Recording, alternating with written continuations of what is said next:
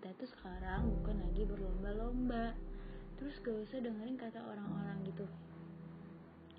E, kamu fokus sama tujuan kamu kamu harus buat nih tujuan kamu sekarang tujuan kamu tuh menjadi apa gitu. Terus nih kan kita kan e, udah kan udah terima yang aku juga Spanyol gak terima. Nah Allah itu mau ngasih tahu hambanya kalau rasa sakit tuh kayak gitu tuh. Allah tuh senang ng ngeliat kita kalau kesal kita manusia kerjaan yang ngeluh tapi Allah tuh senang. Kita yang masih berjuang ini uh, lebih banyak berpengalaman. Jadi kalau misalnya teman kita nanya e, gimana sih caranya? Uh, kita tuh udah pernah ada di posisi itu gitu loh. Jadi kita bisa kasih tahu mereka iya udah sekarang